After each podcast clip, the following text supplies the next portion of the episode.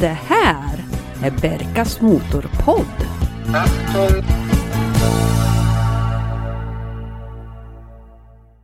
Hej! Och varmt välkomna ska ni vara till det här specialsäsongspremiärsavsnittet av Berkas Motorpodd. Det är jag som kallas för Berka. Och idag ska vi bege oss ner till Norrmalmstorg i centrala Stockholm. Därför att det är i år 50 år sedan det så kallade Norrmalmstorgsdramat inleddes. Och idag på pricken 50 år sedan den 23 augusti.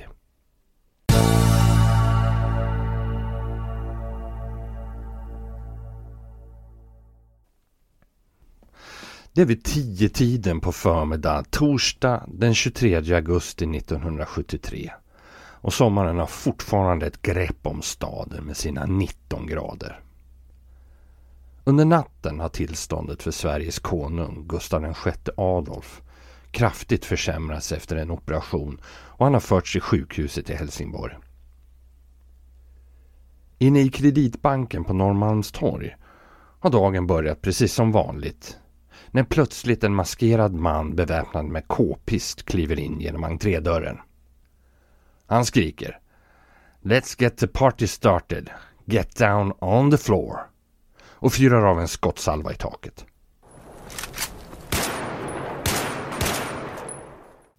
Larmet till polisen går nästan omedelbart och det tar inte lång tid innan de första patrullerna är på plats. Det vi idag kallar Norrmalmstorgsdramat har just tagit sin början och du lyssnar på ett specialavsnitt av Berkas Motorpodd som kommer att handla om de bilar som användes och syntes vid dramat på torget. Det är jag som kallas för Berka. Det här är ju ingen historiepodd men eftersom det är 50 år sedan rånaren Janne Olsson klev in på banken så vill jag titta lite närmare på vad som rullar på gatorna i centrala Stockholm 1973. Det finns mycket bildmaterial att använda sig av och naturligtvis så tittar vi på vad polisen körde, ambulanser som fanns och även Sveriges Televisions OB-buss med teknik för att kunna direkt sända tv-bilder och dramatiska påannonser av reportrarna på plats. Hallå bussen, hallå bussen, är ni med? Vi börjar med en av de vanligaste målade polisbilarna i början på 70-talet. Den här amerikanska fyrdörrars sedanen passade bra med att både jaga flyende busar i och ta hand om fyllerister eftersom den hade ett rejält baksäte och en stark sexcylindrig motor på 145 hästar och 225 cubic inches. Ingen aning om vad det där blir i liter.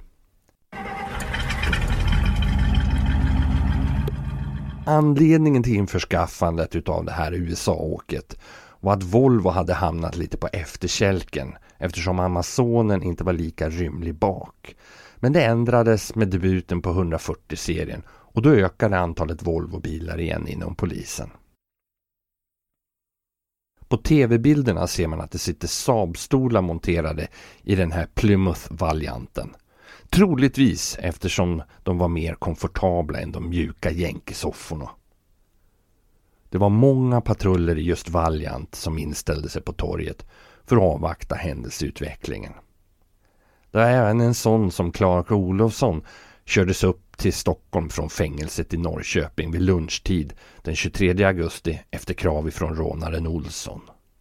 Ett enormt pressuppbåd hade samlats utanför anstalten och tv-bilden har blivit klassisk tv-historia när den polismålade bilen som Olofsson sitter placerad i baksätet mellan två civila poliser lämnar portarna. Målet? Polishuset på Kungsholmen.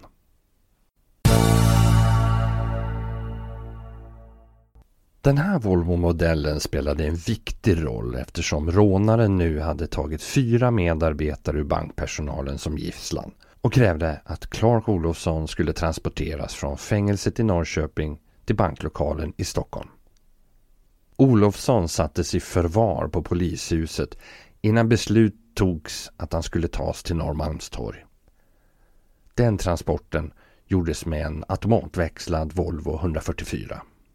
Bilen hade en B18-motor på 2 liter och matades med en Stromberg-förgasare till 82 hästar. Och om bilen hade haft dubbla förgasare så kunde motorn leverera hela 100 hästar och då med en C-kam.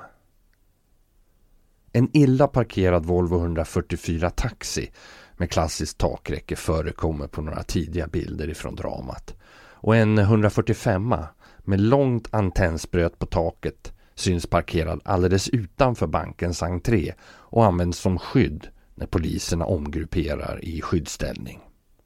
Herrgårdsvagnens delade sidobakruta och vindrutetorkare på bakrutan skvallrar om att det är en årsmodell 1970 som var den enda årsmodellen med den kombinationen.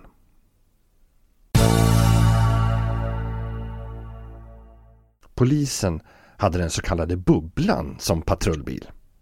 Det var kanske inte den mest respektingivande bilen som ordningsmakten använde sig av och det hände att den vältes på sidan av buset.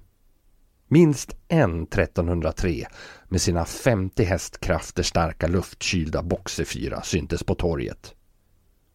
Runt tusen Volkswagen Typ 1 hade köpts in på 60-talet av polisen för enmanspatrullering. Även några Volkswagen 1500 TL glimtar förbi och det verkar nästan som att eh, Säkerhetspolisen kör TL. För i bilkonvojen från polishuset till torget när Olofsson flyttas så syns det just en TL efter Volvon som han åker i. Och här är alltså Norrmalmstorg ett mycket dramatiskt skeende utanför Kreditbanken just nu. En tuff bild är på en blond kvinnlig polis som har intagit skyddsställning bakom en VV-buss. Hennes uniform liknar mer en flygvärdinnas än en polis i halvkort kjol, långa stövlar men med ett draget vapen. BUZ 858 var en transporter av typ 2 med polismålning. Laddad med en luftkyld 1,6 liters motor på 66 hästar. 0 till 90 km i timmen klarades av på 20,5 sekund. Med en nästan horisontell ratt och växelspak som ett jordspett var det bara att luta sig tillbaka och invänta toppfarten på 127 km i timmen. För att kunna upprätthålla kommunikationen mellan de yttre patrullerna och polisens högkvarter på Kungsholmen samt kunna agera relästation för övrig radiotrafik så ställer man dit en Dodge A100 Van med avancerad radioutrustning.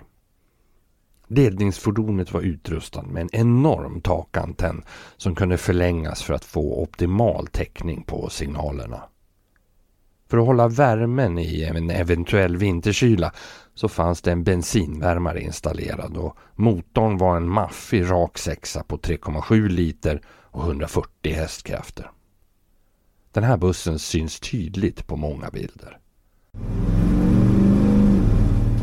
Anledningen till att både polisen och Sveriges Television så snabbt kunde upprätta mobilkommunikation var på grund av konungens akuta hälsotillstånd.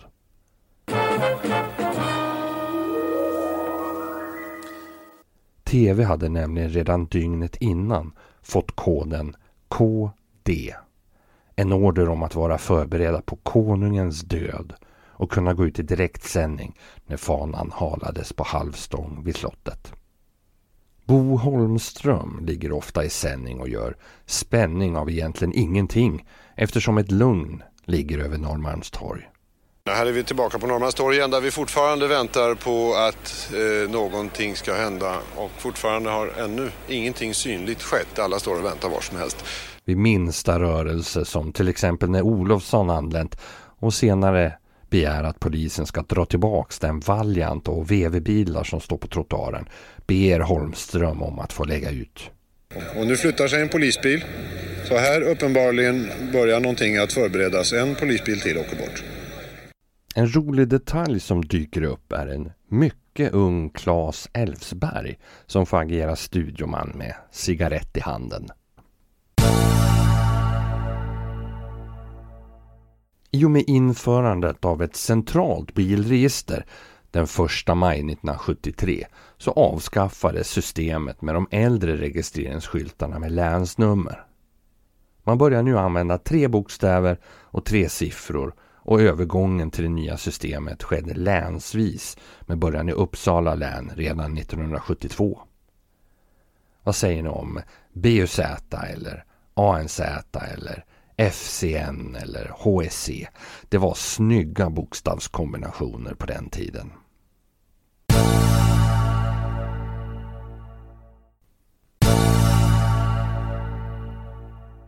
Olsson och Olofsson krävde en lösensumma på 3 miljoner kronor som omräknad idag handlar om cirka 24 miljoner kronor.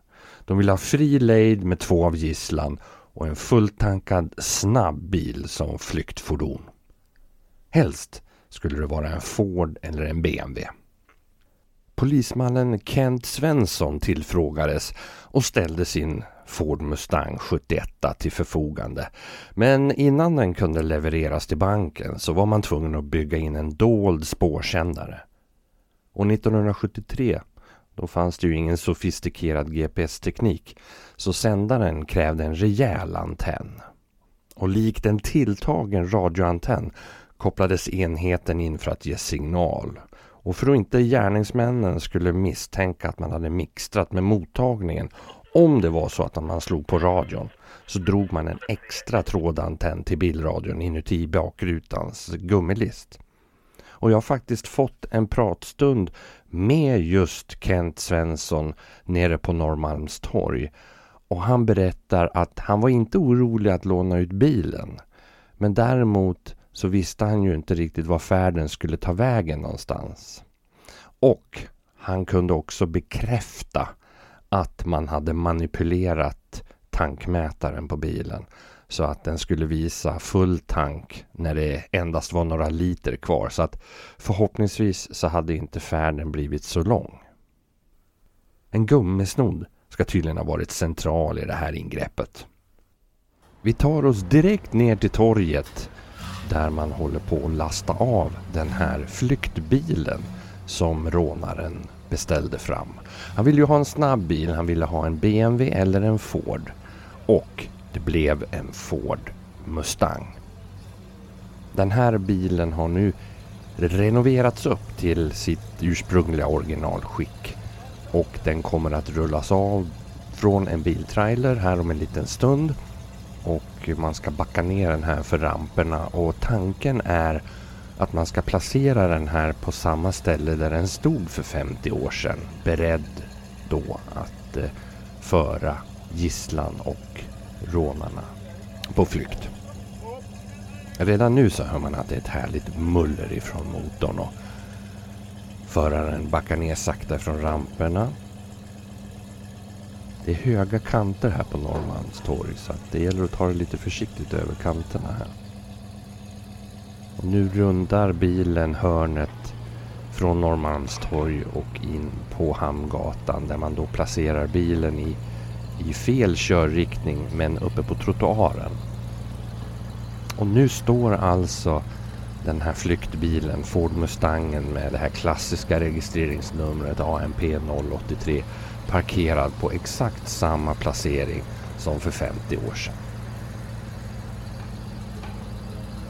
Bilen ställdes utanför banken på kvällen den 23 augusti i fel körbana och med fronten pekades i östlig riktning mot Dramaten.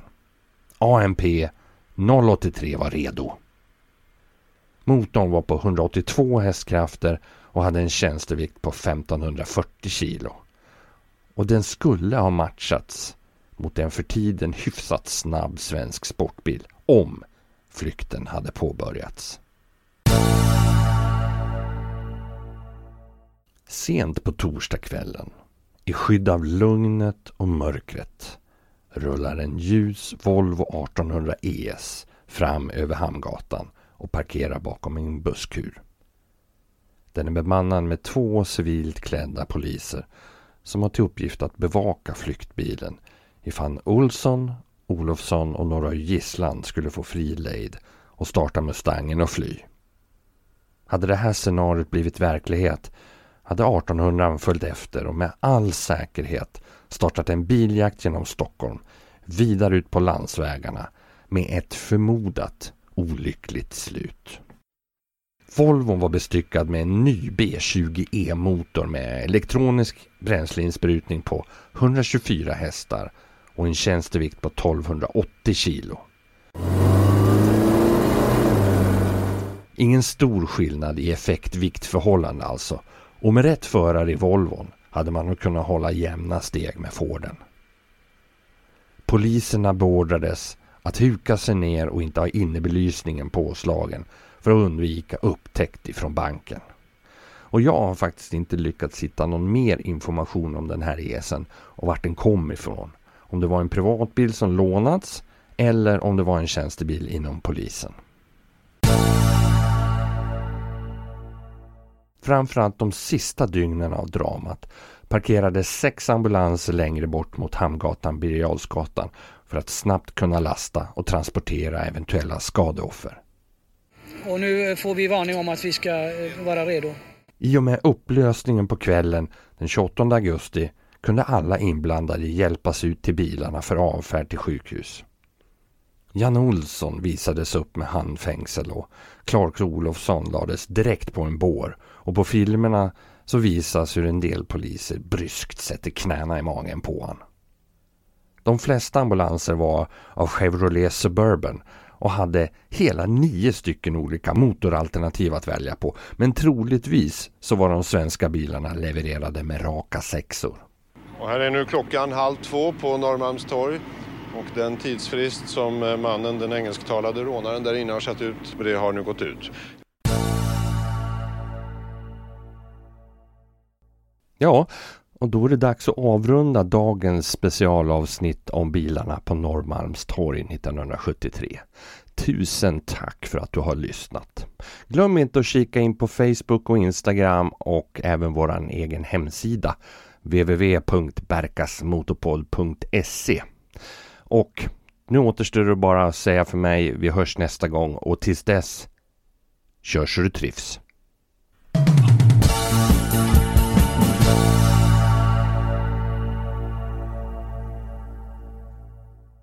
Alla röster som du har hört i det här avsnittet, utom min egen då, är hämtade från hemsidan youtube.com i citatsyfte.